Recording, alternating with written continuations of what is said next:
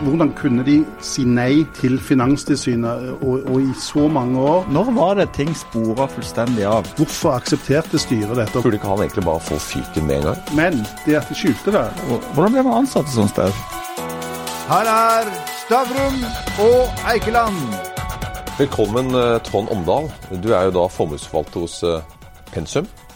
Eh, Du er nestor innen oljeanalyse i Norge. Du har jo fulgt Equinor, altså Statoil, i mange, mange år. Og nå har de brent av et tresifret milliardbeløp i en satsing i USA. Og det kan virke, virke som at det egentlig har vokst fram en ukultur hos oljegiganten. At lønninger og fete ordninger for ansatte er mer viktig enn aksjonærverdi. Nå ryktes det at konsernsjef Elda Sætre skal pensjoneres, og med seg ut døren får han en pensjon som er verdsatt til 150 millioner kroner. Er det riktig? Er det galskap?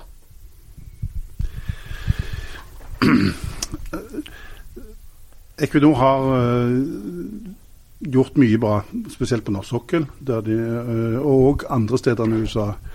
I USA har de tapt betydelige beløp. I tillegg så har du sett en, en eksplosjon i lønninger de siste ti årene. Altså For ti år siden, Olav Fjell hadde, øh, eller 15 år siden, under to millioner fra, øh, kroner i lønn. En offshorearbeider med bra turnus kunne tjene det samme. Nå er det gått tigangen. Uh, og det kan en si har også vært et bransjefenomen når oljeprisen steg over 100 dollar. Men, men en kan stille seg spørsmålet i, i, i fjor, når Equinor tapte eh, 35 milliarder i USA. De samlede tap var 200 milliarder ved årsslutt. Nå har de ennå ikke sagt hva det er etter første kvartal, men du kan regne til omtrent 215 milliarder. Så de har påført aksjonærene betydelig tap i en sektor.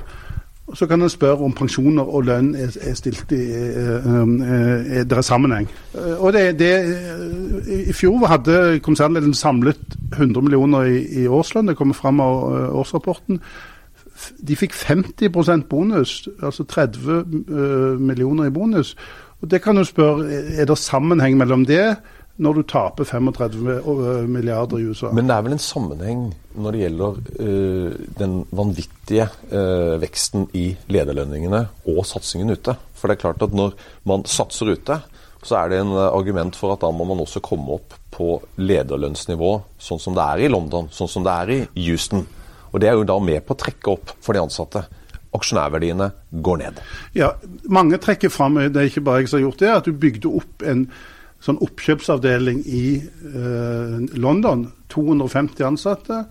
Og det var egentlig poenget å trekke det vekk fra Stavanger. Eller, eh, og det var jo en engelskmann, godt betalt. Eh, gammel investmentbanker. Dykt, dyktig kar, men når du bygger opp en stor avdeling, høye lønninger, hundrevis av millioner på investment banks og konsulenter, så er målet å gjøre oppkjøp. Og da gikk du inn i USA. Eh, og, og, og der var det jo eh, store investeringer. eh, og dette bidro til å trekke opp lønningene. Og det er jo, jeg tror det er Charlie Munger i Berkshire Hathaway som sier 'vis meg insentivsystemet, og jeg skal fortelle deg hva som vil skje'. Og det kan en si at det er litt av dette. At insentivene til konsernledelsen er ikke knytta til aksjonærverdier. De har veldig små andeler. F.eks. de eier ikke veldig store aksjeposter. Er det riktig? For Hvis du ser på USA, da, nå ligger det liksom harmoni i tall. Sier, bare for å leke oss med tallene, sier at det reelle tapet er 150 milliarder. da, Så får han jo 1 million kroner i bonus per tapte milliard. Det er jo et uh, perfekt incitament. Ja, nå, nå må jeg si Eldasæter har jo eh, gjort en veldig god jobb. Mange vil trekke fram norsk sokkel, at, det, og at de har fått ned kostnadene. Eh, og han har jo eh, gjort en, en, en jobb i, i 35 år. La oss gå tilbake til starten av miseren. Helge Lund. Eh, han eh, gikk det jo fint med etter hvert. Ja, eh, han eh, var jo den første konsernsjefen eh, i, i Statoils historie som gikk av uten at uten at han miste, ble bedt om å gå. Og fikk jo en toppjobb i BG. Eh, den I London. Var, I London. Uh, og den varte ikke så lenge, men han, uh, fordi at de, etter drøyt et år så ble det kjøpt opp av Shell. Men han tjente jo 400 millioner på det året. Det er godt betalt når du ser på hvordan det gikk, eh, det han gjorde i USA. Ja, det, det kan, Helge Lund kom inn uh, med en begrenset erfaring fra uh, oljeproduksjon. Han kom fra Aker Kværner, fra leverandørindustrien. Men det, det, er klart at den erfaringen han har hatt, å være uh, konsernsjef i Equinor de årene, var jo verdifull for andre selskaper. Nå er han jo òg blitt styreformann i BP. Jeg snakka med folk i Statoil som har snakka med tidligere sjefer som fikk sparken for egentlig småbeløp i forhold til det som vi har sett i USA nå. De, han sa til de at dere, hadde det skjedd i dag, så hadde ingen hørt om dere, uh, Arve Johnsen, uh, Olav Fjell, i forhold til tapene i USA. Nei, og det, og det, er det som nøkkelen, for En kan snakke om uh, enkeltpersoner, og, men, men, nøkkelen her er jo at de ikke viste tapene. altså Det, gjorde dårlig oppkjøp, det er det ingen, ingen tvil om. Uh, og Mange av de skjedde ikke når oljeprisen var over 103-4, skjedde når det var 50-70 dollar olje. Men i syklisk industri gjør en dårlig oppkjøp, men det at de skjulte det, var problematisk. Og at Finanstilsynet ba om å, å framlegge dette. Analytikere ba om dette. De ba om det i 2014, akkurat litt før Helge Lund byttet beite. Var, og, og, samtidig som disse kostnadseksplosjonene uh, i USA skjedde, hva hvis dette hadde vært kjent da? Men, hvorfor, hvorfor, aksepterte styret ja. å ikke følge Finanstilsynet? Men, men, det du skisserer her, dette er jo litt av den ukulturen man hører fins i Statoil. Det er en arroganse. Altså, Det å bare gi F når Finanstilsynet kommer, når dere oljeanalytikere står der og ber om tall, og så bare gir de blanke F. Er ikke det, det, det, det er jo en arroganse som ikke er bra. Ja, som karakteristikk kan eh, eh, men, men Problemet er at de, hvordan kunne de si nei eh, til Finanstilsynet og, og, i så mange år ikke vise eh, tapene. Og litt, hvis en skal bruke Den arrogansen eller makten syns jeg nesten i, de, i den debatten her at det var i NRK Ukeslutt. Og de sender en eh, informasjonsdirektør, tidligere statssekretær, og, og begriver egentlig personangrep og prøver å diskreditere en person som bare sier det samme som eh, Folketrygdfondet, KLP eh, og DNB. Uh, og Det er derfor vi i Pensum for så vidt òg velger å, fronte dette. For vi mener dette er en sak der vi, vi er jo nisjeforvalter, men vi er på lag med KLP, Folketrygdfondet, uh, DNB. Og, og, og, vi mener vi står trygt her på at nøkkelen er vise resultatene. og uh, som Finanstilsynet har påpekt. Og Så må vi jo si en liten seier og gi litt ros til den nye styreformannen Reinertsen. At han faktisk nå har gjort det vi sa på NRK Debatten. At du skal vise resultatene fra andre kvartal i USA, og fornybar. Det er viktig. The Cooper Fermentor was designed to challenge conventions. So why should our finance be any different? Introducing Cupra Personal Leasing. No deposit up front. No worries about servicing, repairs, roadside assistance costs. We've got everything covered in the monthly repayments, including your road tax. Just the freedom to drive. The Cupra Fermentor. Feel another way. Drive another way. Finance another way with Cupra Personal Leasing. Finance provided by Volkswagen Financial Services Ireland, subject to lending criteria. Terms and conditions apply. Visit cooperofficial.ie slash personal leasing for more information. På halvannet år så er aksjeverdien i Equinor ned med 250 milliarder kroner ca. 250 milliarder kroner. Han har fått millionbonus, konsernsjefen, og nå får han med seg en pensjon på 100, som har en verdi på 150 millioner. Burde ikke han egentlig bare få fyken med en gang? Det, altså, det, det er jo eierne, og så er det styret, og så er det konsernledelsen. Styret har eh, sagt at de nå framover skal vise resultatene. Jeg mener de ikke går langt nok. De burde òg vise det helt tilbake, egentlig USA helt tilbake til 2001, eh, og i hvert fall tilbake til 2012. Uh, det, men det, det, er jo eieren, eh, norsk, altså OED som er den største eieren som Norske stat. Ja, norske stat, vi som er fornøyd med dette. Jeg mener de burde gå lenger. Uh, og, og, spesielt siden en nå debatterer lavere skatt. altså Equinor ber jo om uh, 80 milliarder i utsatt skatt. De har kutta utbytte til oss, eller 20 milliarder, der to tredjedeler er våre skattebetalere. Normalt sett så ville en Altså Shell, Når Shell kuttet utbyttet for første gang siden andre verdenskrig med 67% så, så spurte intervjueren vil dette ha konsekvenser for stillingen din. Uh, så, men ellers etter er på slutten av uh, skal antageligvis gå av. Uh, det viktigste er framover å se, bruke informasjonen her til å evaluere om en bør bruke hente en ekstern eller en intern kandidat som neste konsernsjef. Ja, skal du iallfall få bli kvitt ukulturen, så må du iallfall tenke utafor Equinor. i hvert fall. Ja, og det er jo litt interessant at hva hvis Finanstilsynet sin, sin, informasjon hadde blitt etterkommet, at de hadde vist tapene? Hva hadde det Hadde Helgelund fått rukket å få den toppjobben, hadde det blitt en ekstern kandidat, som det var diskutert, eller hadde Eldar Sætre fått den jobben? Igjen, Eldar Sætre har gjort en bra jobb spesielt altså På norsk sokkel er dere enige om det, men USA er jo fortsatt et problem, så lenge du fortsatt taper penger. Exactly, og da hadde man kanskje også klart å begrense tapene? Ja, og det er jo KLP som sier at dette, dette er ikke bare en eh, debatt om og, graving i gammel skitt. Men eh, de mener jo, og jeg er enig, hadde informasjonen vært kjent, så hadde kanskje disse tapene uh, vært begrenset. Unngått at Equinor nå sitter, uh, har veldig høy gjeld inn i den covid-krisen som for så vidt ingen kunne forutse. Men det er jo veldig spesielt at de ber om skatteutsettelser og de er veldig lønnsomme på norsk sokkel. og Det er jo òg etter mitt syn en omfordeling fra en ekstremt lønnsom drift på norsk sokkel. De tjente nesten 100 milliarder i fjor på norsk sokkel, og så tjente de faktisk eh, sy, antakelig 27 milliarder utenfor USA, men tapte 35 i USA. Altså du, en, du, trenger over 50 dollar for å gå i pluss på kontantstrømmen i USA. I Norge, for hele selskapet 25. Det betyr at altså, Norge er superlønnsomt. Johan Sverdrup 2 dollar fatet. Norsk sokkel 5 dollar fatet. Så, så, og, og, og, så når du igjen får problemer, så er det norsk sokkel som er problemet. Eller som må betale regningen. Det er leverandørindustrien som er gissel for å få disse eh, for å få skatteletter. Og du kutter, kutter utbytte. Så det, det, mener jeg er litt problematisk. og Derfor mener jeg òg i debatten rundt skatt altså det er klart Som, som investor så er du for så vidt positiv til skattelettelser. Dette er jo en skatteutsettelse. Men jeg mener jo at bedre informasjon, og bedre informasjon om hvor pengene har gått Hvorfor har du kommet opp i så høy gjeldsgrad? Hvorfor må du kutte utbytte? USA er en del av den forklaringen. La oss gå litt tilbake i tid. Det er, jo, det er, det er jo nesten historien om Statoil gjennom 50 år. Eh, kamp om makt mellom Statoil, Equinor og Olje- og energidepartementet og andre miljøer. Og, og Statoil har jo vært egenrådige, har jo blitt vingeklippa i tilfeller.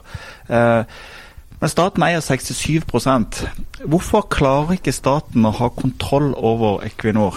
Det er jo denne Jens Stoltenberg-modellen, eller delprivatiseringsmodellen, som jo er, er krevende. Fordi at uh, eieren vil ha armlengdes avstand.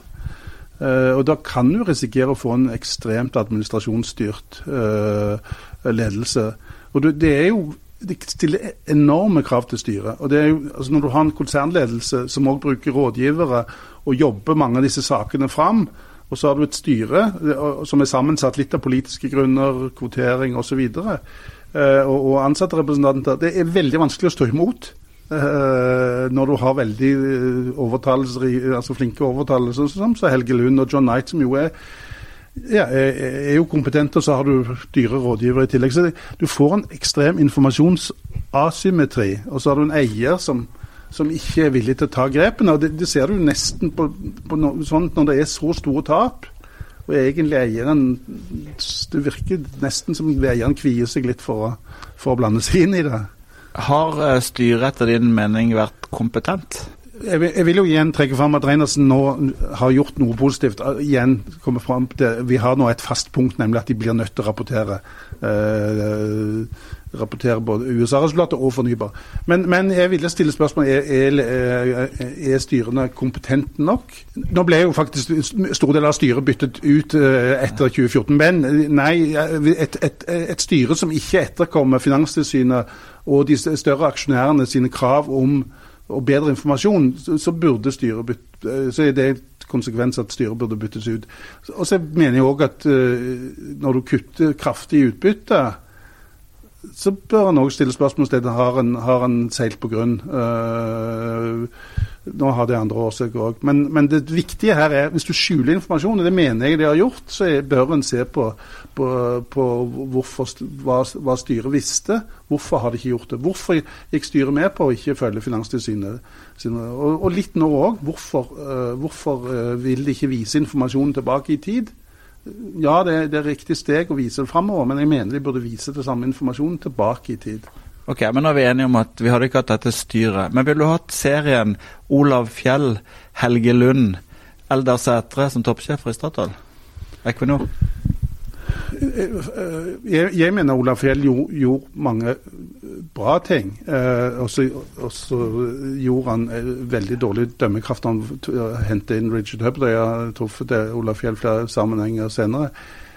Eh, så jeg måtte gå på Iran-saken, som, som, jeg kjenner faktisk godt, for, for jeg jobber i Iran. Men, men, det var faktisk ikke saken, men det var håndteringen. håndteringen. Mm. Og det er litt dette òg.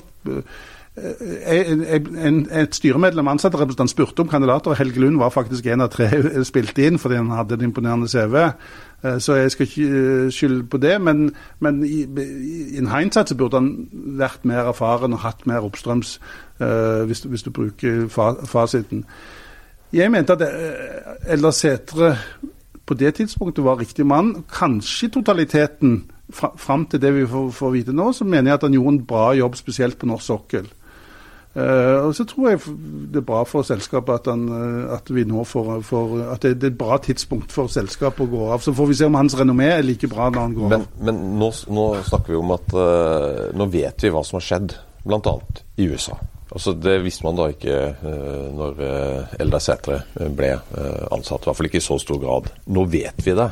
Når vi ser hvordan den utenlandssatsinga egentlig har vært for Equinor, er det ikke da de tre siste konsernsjefene, i hvert fall de to siste, da, at de aldri burde ha vært der? Det, det, det er én ting som er det mest alvorlige, det er at de eh, dekker det til. og ja. det, det, er derfor du, For å svare skikkelig på det, så burde en vite hvorfor aksepterte styret dette. Var, hvordan så regnskapet ut i 2013 og 2014? Spesielt når vi får informasjon om en elendig økonomistyring. Samtidig går Finanstilsynet ut. Hadde vi, altså Skriken hadde eh, kanskje vært enda sterkere hvis vi hadde visst det på dette tidspunktet.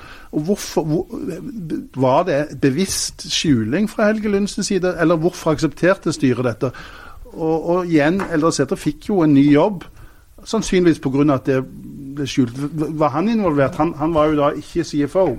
Så, så, det er jo derfor det er liksom ett crux. Jeg tror Arkimedes har gitt meg ett fast punkt jeg skal bevege verden. Det er ett fast punkt vi må holde fast på her. Du kan kritisere dem for alt mulig rart, men det er skjulingen av de økonomiske resultatene i USA som er viktige. De er jo ikke dumme. La, men la oss, la oss, holde fast på det, da. Fordi at Du var jo ute allerede i 2014, eh, mener jeg husker, og, og så tapene i USA. Og anslo det vel den gang til 70 milliarder. Men, hvis du, men la oss hoppe til i dag. Eh, tar alt de har investert i USA minus det de har, hva det er verdt de har i USA. Hva er det reelle tapet i USA? Kan du regne fram til det? Finnes det noe sted? Nei, men Per i dag så er det akkumulerte tapet kanskje 220 milliarder. Det vil sikkert stige til 240-50 uh, innen Q2. Så har de fortsatt bokført 170 milliarder. Så du kunne jo argumentere for at det antageligvis per i dag er over 300 milliarder i løpende tap.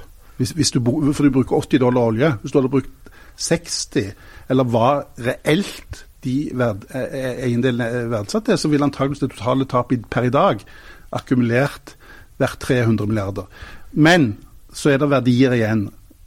Rysta, Energy på, på, debatten sa 150.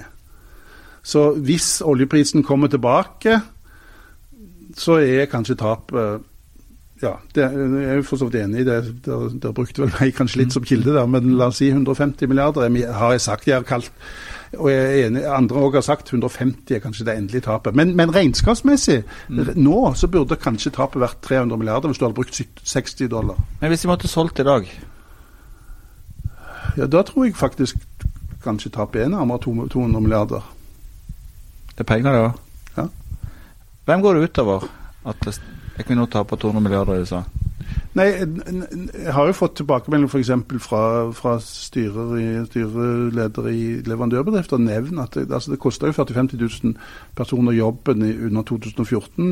Eh, noe av det var en nødvendig tilpasning, men det er klart du, du kaster bort en del i USA. Også en del av effektene kommer på, i Norge. Så er det jo selvfølgelig, det tror jeg 200, eh, Hvis det er 200 milliarder, så, er det helsebudsjettet i var det ti år, eller, eller er det 20? Ja, det, det, det, det er veldig lenge. Og det, det, det totale alderspensjonen er på et år. Uh, så, så to tredjedeler av dette er jo, er jo våre verdier. Ja, men, men nå, nå, eh, kommer det jo til å bli eh, dessverre også oppsigelse innenfor den industrien det neste året, med tanke på den oljeprisen man har. og Selv om den stiger litt, så er det ikke få som forventer den skal opp i 80 dollar igjen. Så den, Iallfall ikke med det første. Nå er jo jeg optimist at ja. det nok kanskje kommer raskere tilbake, men, uh, men det, vi, vi, uansett så er vi i en veldig moden sokkel, sånn at feltene blir mindre. og Det er jo det som er òg viktig. at vi kommer ut av denne krisen. Det er viktig framover å få styring på både hva de bruker i USA og fornybar, fordi at du får en veldig god kontantstrøm, spesielt f.eks. For, for Johan Sverdrup. Å vite at de pengene går til eierne, både aksjonærer, altså sånne som oss forvaltere, men òg til, til, du, du og jeg som, som, uh, som skattebetaler. Det er jeg enig i. Men i 2014, den krisen man hadde da, forsvant 50 000 jobber i leverandørindustrien til oljesektoren. Nå kommer det til å bli en god del som forsvinner igjen. Eh, vi snakker om at hadde de ikke satsa i USA, så hadde kanskje Statoil Equinor vært eh, nesten gjeldfri hvis ikke de hadde gjort noen noe andre investeringer da. ikke sant? Men nå stikker konsernsjefen av med en pensjon på 150 millioner kroner. Er dette riktig? Altså De etiske vurderingene eh, altså det, er, det er en høy pensjon, øh, øh, åpenbart. Det, har, det, er jo litt en lønnsutvikling i hele bransjen. Men så akkurat å gi noe sånn moralsk svar, for å overlate det til, til, til filosofer som, uh, som han Ole. Som Ole. Herregud, 150 millioner kroner, det er jo småpenger. La oss snakke om større beløp. Nå vil de altså ha skatteutsettelser på 80 milliarder kroner uh, i Norge. er det bra? Nei, nei altså jeg syns at eh, som, som uh, investor så, så, mener jeg at det kan være fornuftig å se på hele skattesystemet. Og f.eks. sånn som eh, Finansdepartementet, at du har større samsvar mellom risiko og oppside. F.eks. at de vil ha vekk litt av den friinntekten.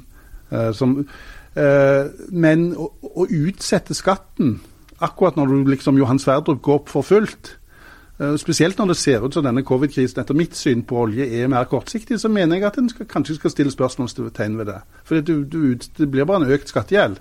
Så, så, uh, så, jeg mener ja, ja, det er verdt å se på skattesystemet. Og ja, kanskje når norsk sokkel blir mindre moden, at, den, uh, gjør noe med skatten. Kanskje uh, lavere skatt på, på, nye enheter. Men en skatteutsettelse det er jo faktisk at du øker gjelden. Mm. hva hvis Equinor igjen gjør noe internasjonalt i USA, eller uh, og, og, så kommer de tilbake. Så, så jeg syns det å utsette skatt bare er, er, uheldig. Jeg mener, du må se på det bredere. Hvis vi, hvis vi fortsetter litt i det sporet, så er jo eh, Noen vil si at én eh, ting er å Eh, la, la, de trekke fra letekostnader og sånt på, på, på, forhånd, at det er smart som ressurseier for å få utbygd olje og sånt. Men, men hvor sikre er vi på at oljeprisen kommer tilbake igjen til høyere nivåer? Vil disse feltene bli lønnsomme noen gang? Er du sikker på det? Ja, og det uh, bare for, ta en tilleggsinformasjon er jo at det er mange felt på norsk sokkel som er lønnsomme ved dagens oljepris. Mm. Så det er igjen, Og du tjener penger på norsk sokkel, så derfor mener jeg at Equinor og andre selskaper burde, hvis de, spesielt hvis de tror på 80 dollar olje, som de jo bruker når de tror på i USA, så burde de jo faktisk nesten tvinges til å bygge ut felt. Men eh, ja, jeg er trygg på at eh, oljeprisen igjen vil Du får en sekulær oppgang. Uh, vi er nå på slutten av en bølge der skiferolje ikke lenger uh, er noen trussel. Det vil ikke få vekst utenfor OPEC fra og med neste år av. OPEC må øke produksjonen jeg tror Goldman Sachs var ute og sier de må øke produksjonen med 7 millioner fat fram til 2025 fra pre-covid-nivå. Så, så, jeg er trygg på at vi får en ny oppgangsbølge. Trusselen på norsk sokkel er ikke peak demand. Det er ikke fornybar. Uh, trusselen uh, er primært at vi går, altså funnene blir mindre og mindre. At vi ikke har store feltutbygginger etter Johan Sverdrup og Johan Castberg. Og det er en trussel mot norsk leverandørindustri. Og Så er det en, en, annen trussel, og derfor er det viktig ikke bare å vise USA-resultat, men å vise fornybar. At nå pålegges eh, Equinor politisk å gjøre ting som er ulønnsomme. F.eks. bruke 50 milliarder på elektrifisering. Og Der er det vi som betaler 90 eh, Og så, så ber de faktisk om ytterligere skatt. altså Elektrifisering som jo bare flytter CO2-utslippene. Mm. Uh, de skal nå få subsidier for CO2-injeksjon, uh, subsidiert flytende havvind. Og, og, vidt, og, det er jo politisk styrt, men det hadde vært veldig bra at vi får tydelig tallene på dette. Hva som er lønnsomt, og at dette er subsidiert virksomhet. Og det, det å satse på fornybart, så skulle jeg gjerne visst at, at, at, eierne er klare over at det å tro at fornybar er, det grønne skiftet gir veldig mange arbeidsplasser i Norge, er litt for enkelt. For vi har gjort det grønne skiftet. Det gjorde vi på 70-tallet. Min far vokste opp i Sirdal, økonomisjef under kraftutbygging. Vi, vi har 100% fornybar vannkraft. Uh, vi har 70 i energiforsyningen. Å tro at dette blir veldig mange arbeidsplasser i Norge, er litt naivt. Du ser, du, hva, hva tyr det til? Jo, ulønnsom, eller vindkraft, som er ulønnsomt. Statkraft måtte skrive ned halvannen milliard på vindkraft i Norge, i Fosen. Uh, så, så, og, og, så det, det, er viktig å se at det er politisk åpenhet om at vi får enorme pengestrømmer fra, uh, fra norsk olje. Hvis det kanaliseres i mindre lønnsom uh, og subsidiert virksomhet, så skal iallfall befolkningen være klar over dette. La, la, oss bare ta folk med på dette. La oss si at Equinor blir pålagt å investere 1 milliard kroner i et eller annet grønt formål, som etterpå kommer til å gå med en milliard kroner i underskudd. Da er det sånn at først så tar vi 90% av investeringen, og etterpå tar vi 78% av underskuddet. Og i tillegg så får utbyttet på to tredjedeler. sånn at For alle praktiske formål så er det du og jeg og Ole som tar regninga, og ikke Eldar Sætre. Er du enig? Det er det absolutt. Og det er nesten litt eh, frekt at nå Selv det var ikke bra nok, for nå skal de ha 100 eh, av investeringene i, de første par årene. Så det, det er nesten litt utrolig. Men det er gode lobbyister? Ja, de har 160 i kommunikasjonsavdelingen. Det er kutta fra 180 til 160. Eh, så, og det, det, det, er jo eh, flinke folk. altså Borgla Pedersen eh, det, han er jo en smarting som fant, prøvde å finne noen, eh, noen hull i, og fant ut at eh, en litt nisje, nisjeforvalter kunne en angripe istedenfor Folketrygdfondet og KLP. som var... De er ikke bare flinke lobbyister, de er også godt betalte lobbyister. Ja, men det, det, det er klart de Gjennom fusjonen med, med, med Hydro så ble de mer politisert igjen. Fordi at hvis en si, kan si, Jeg syns det var mye bra med Ola Fjell, og privatiseringen børst, øh, gjorde at det ble litt de, øh, mindre politisert. Og du hadde fortsatt Hydro. Men fusjonen med Hydro, så har det blitt politisert igjen. Og, og, og dette er jo det, Dette med fornybar har jo Equinor utnyttet veldig for, for å skape legitimitet. Øh, og at politikerne syns det er veldig bra. Men jeg vet jo at Du har jo lest gjennom disse årsberetningene Nå skal stille et veldig vanskelig spørsmål. Har du gjort et forsøk på å finne ut hvor mange som jobber med HMS? HR, personal, kommunikasjon og alt dette til sammen i Equinor? Jeg jobbet faktisk som bedriftsrådgiver eh, eh, på, på, på kostnadskutt, og da eh, innleid, da presenterte de faktisk deler seter var økonomisjef der. Men, så det Jeg husker ikke hva tallet var da, men nå eller, eller, for fem år siden så var det 900 personalmedarbeidere. 900? Ja, og, og, så var det 180 kommunikasjonsmedarbeidere. Nå er det kutta til 160. Og så ja. Men, men si HMS, det, HMS er, er, jo spredt rundt, men det er antageligvis ganske høyt. Og så har du det nye vekstområdet er jo selvfølgelig sustainability, som er det, det nye. Uh, license to, to, print money. Ja. Uh, to use money. Men, men, use money men kan vi da si at, eh, at de i Equinor uh, er Norges best betalte byråkrater by far? Det har skjedd noe de siste ti årene. fordi at Historisk så, så tjente ikke Jeg nevnte jo det, Olav Fjell og for så vidt Harald Norvik, og, og at de var ikke lønnsledende. Men, men det, den, de 15 årene ekspansjon, og for så vidt òg i USA, eh, har gjort at Equinor er, er noe nær lønnsledd. Nå er lønnsnivået høyt òg for andre oljeselskaper, men, men jeg ville sagt at de er ja. De er, de, de, de er av de bedre betalte byråkratene i Norge. Men du har jo historikk på dette. Hvis du leser Statoils historie, du leser om Arve Johnsen som drar til, til Stavanger og leier seg en leilighet og har, eh, har eh, kassa i en sigareske og er ekstremt nøysom. Når var det ting spora fullstendig av? Al al altså, det, er to svar på det. Det ene er at det er en del av kulturen, dette med å bygge over norske renner. Mongstad de sa det ikke kunne gjøres, vi gjorde det. altså at øh, For, for å finne opp hjulet på nytt med gullfaks, ikke lære fra, uh, fra Statfjord. Egen teknologi på, på Snøhvit, ikke kopiere andre. Så Det er det ene elementet. Men det går ikke på lønninger. Den lønnseksplosjonen er nok øh, de siste 15 årene, og det hang jo sammen med når oljen det, det har, Der har de for så vidt det poeng at når oljen gikk i 100, så økte øh, lønningene uh, i, i hele bransjen. Og så London og Ja, Houston-kontor og så ja, og så har det vært elementer at det- det der å bygge opp uh, Mange trekker fram det å bygge opp en sånn stab i, i, i London vekk. Det var, det var bevisst at du skulle liksom bygge opp et A-lag i London, og, og målet var å gjøre dyre oppkjøp. Og og USA, USA har vært en spydspiss uh, i, i, i det, og, og det har bidratt til å løfte selvfølgelig lønningene i selskapet. Det, det har jo noe med, Hvis du bygger, bygger et større selskap, så får du høyere lønninger. Og det er ikke nødvendigvis i eierens interesse. Dette er jo en klassisk problemstilling for andre selskaper òg. Det gjør bare for nye utfordringer når det er den største eieren ønsker å ha en armlengdes avstand. men én ting til, da, når det gjelder det med, med skatt.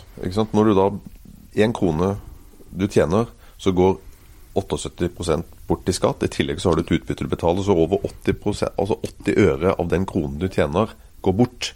Da er det veldig fristende og enkelt å bruke mer penger. For det, det koster Ja, egentlig bare ja. under 20 øre. Så på, på, på nor på norsk sokkel, det at du for så vidt var en monopolist og fikk tildelinger, på, påvirker nok kulturen. I tillegg, akkurat veldig viktig det du sier, skattesystemet. Og at uh, lisens, du fordeler kostnadene på lisensene, gir veldig lite insentiver.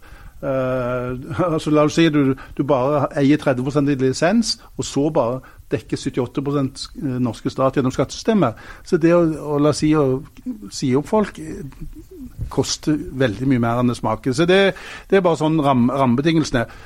Det blir jo annerledes når du da kommer til USA, USA, der det er lavmarginbusiness, og du egentlig ikke har noen monopolfordeler, eller egentlig ikke kan noe Du har faktisk ulemper ved det. Det har jo et selskap innrømmet i 2014. Du må faktisk være flink. Nei, ja, men det er, liksom, det er nesten verre enn det. Ja, det er nesten verre enn det. fordi at selskapet i seanse med analytikere i 2014, så sa han som var leder der, at det er ulemper ved å komme fra offshore. Det er ulemper rundt boring av brønner, det er ulemper med HMS-kostnader, det er ulemper med reservoarkarakteristikk, og selvfølgelig dette med landmenn osv. Det er negative synergier mellom eh, å, å begynne inn der. Og selvfølgelig en helt annen kostnadskultur. Og du har det verdens mest konkurran- Du går fra monopolist, eller semimonopolist, til verdens mest konkurranseutsatte marked. Og Så er det jo én ting til, en risiko du pådrar deg i tillegg, er at på norsk sokkel, hvis det skjer en ulykke her, så er maks Jeg tror Statoil måtte betale 90 millioner eh, som et historiens største straff. I, I 2010 så skjedde det en ulykke som het eh, Deepwater Horizon, mm. BP. I Mexicogolfen. Den- de, de måtte betale nesten 19 milliarder, altså nesten 200 milliarder i, i forretningsstraff, og opprydning i tillegg. Det kostet deg 650 milliarder. Og det, og det gikk på BP. Og det kan en jo òg spørre. Vet styret at den risikoen for Hvis noe lignende skjedde, God forbid, så vil det være øh, øh, 50% høyere enn markedsverdien. Så hele egenkapitalen ville vært tapt. Pluss du kunne risikere at det gikk på eieren. Nå er det Formelt sett så kan du bare ofre eh, USA-organisasjonen, men det valgte BP ikke gjøre. Du kan jo si hvis det liksom renner olje på strender, om Erna Solberg har lyst til å si at eh, glem det at vi, vi i Norge rydder opp etter oss. Så, så i, i tillegg til at du har dårlige resultater, så har jo USA-satsingen påført oss en, en, egentlig en konkursrisiko som du kan òg spørre om uh, om vi, vi som eiere får betalt for. Er du, er du, enig, er du, med, er du med meg på den analysen? Jeg var uh, som samfunnsborger veldig stolt av egentlig den norske oljehistorie. Jeg er stolt av at vi klarte å bygge opp Statoil, at vi klarte å bygge ut Nordsjøen på den måten vi gjorde. At vi faktisk hadde guts til å gjøre noe selv, og ikke bare slippe inn utenlandske selskaper.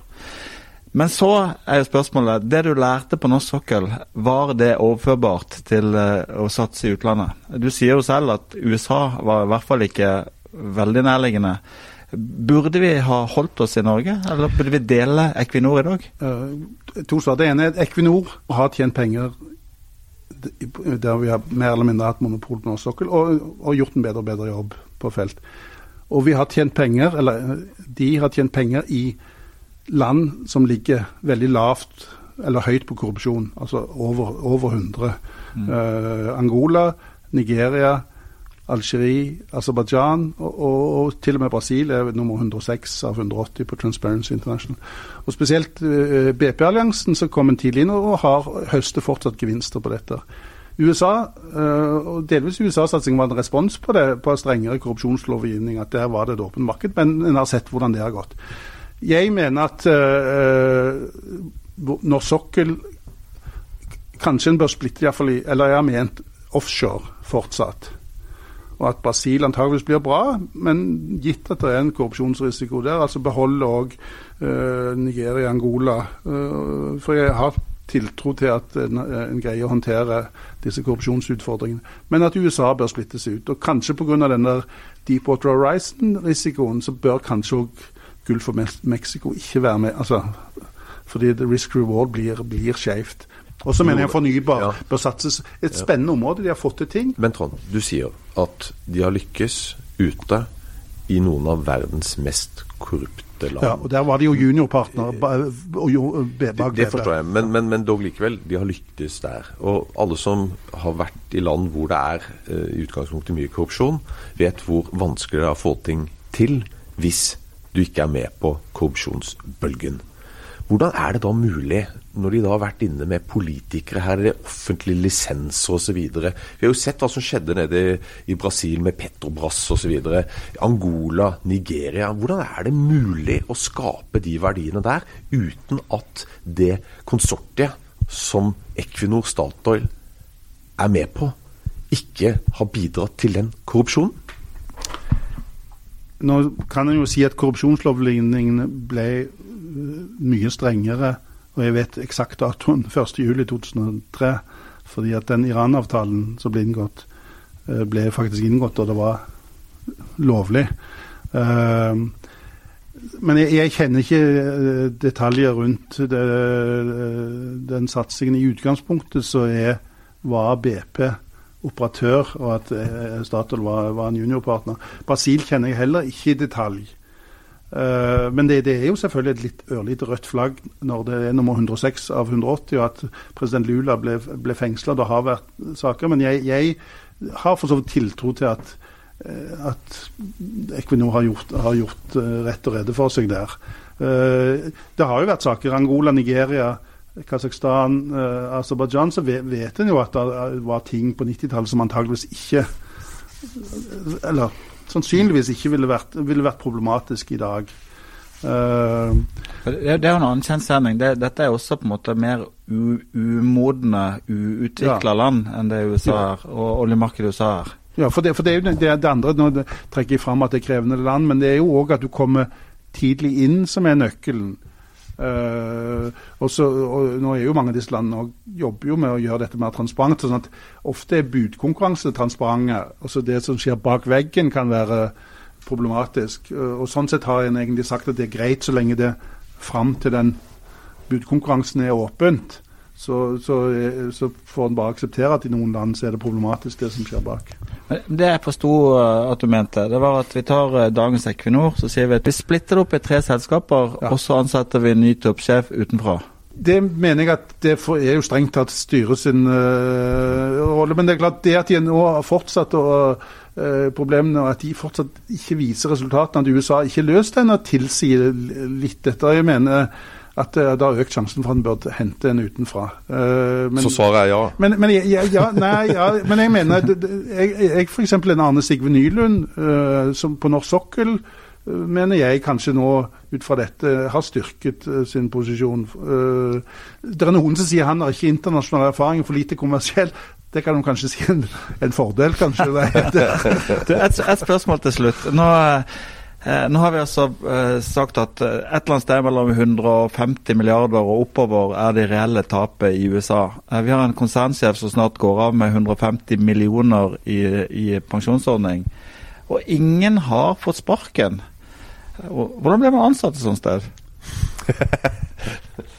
ja, eh, det var jo når jeg slutta, så, eh, så var det jo noen som spurte er du sikker på du slutter, Har du sjekka pensjonen? Da, da gikk jeg til Nordea, da, så, men jeg har jo tenkt på den noen ganger, at uh, hvorvidt det var en god beslutning. Men uh, Nei, nei, nå, nå, nå må du faktisk eh, helst være utlending. Uh, for nå har de kvoter. Eh, så det, det ryktes at det er vanskelig for selv topp Hvis du er mann og kommer fra NTNU, så er det vanskelig. Det er, det er kvinnekvoter, og så er det utlendinger. Så hvis du er kvinne eller eh, utlending, så Og så må du ikke rote, med reiseregninger.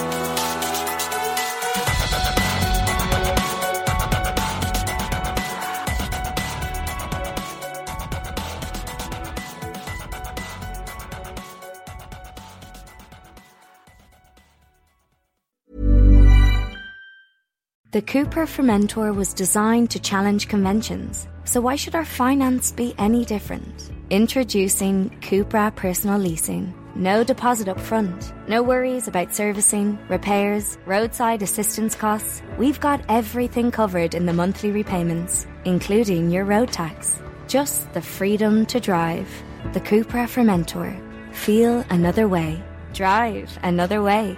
Finance another way with Cupra Personal Leasing. Finance provided by Volkswagen Financial Services Ireland, subject to lending criteria. Terms and conditions apply. Visit cooperofficial.ie slash personal leasing for more information.